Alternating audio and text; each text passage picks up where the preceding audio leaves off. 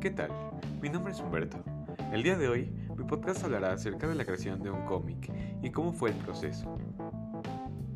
Todo lo hicimos en equipo. Cada uno contó una anécdota propia y se eligió la que más le gustara a todos, la cual en este caso fue la mía. Esto se hizo con el objetivo de ser claros en la transmisión de mensajes, al igual que la buena narración y con algunos de sus criterios. Tales son las acciones que realiza cada personaje, el tiempo o periodo, el espacio, que es el escenario en donde pasan las cosas, la trama y el narrador.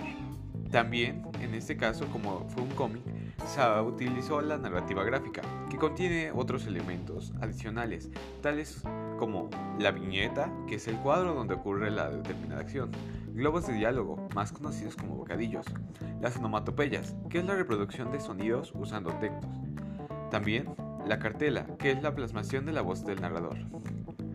Y aunque al inicio tuvimos ciertos problemas para crear el cómic por la comunicación mediante las redes, todo esto se resolvió gracias al diálogo. Pudimos terminar con ese pequeño problema. Cabe resaltar que llegamos a la conclusión de que la narrativa es muy importante para expresar desde puntos de vista terceros o en primera persona la sucesión de eventos que van sucediendo. Muchas gracias por haberme escuchado el día de hoy. Bye.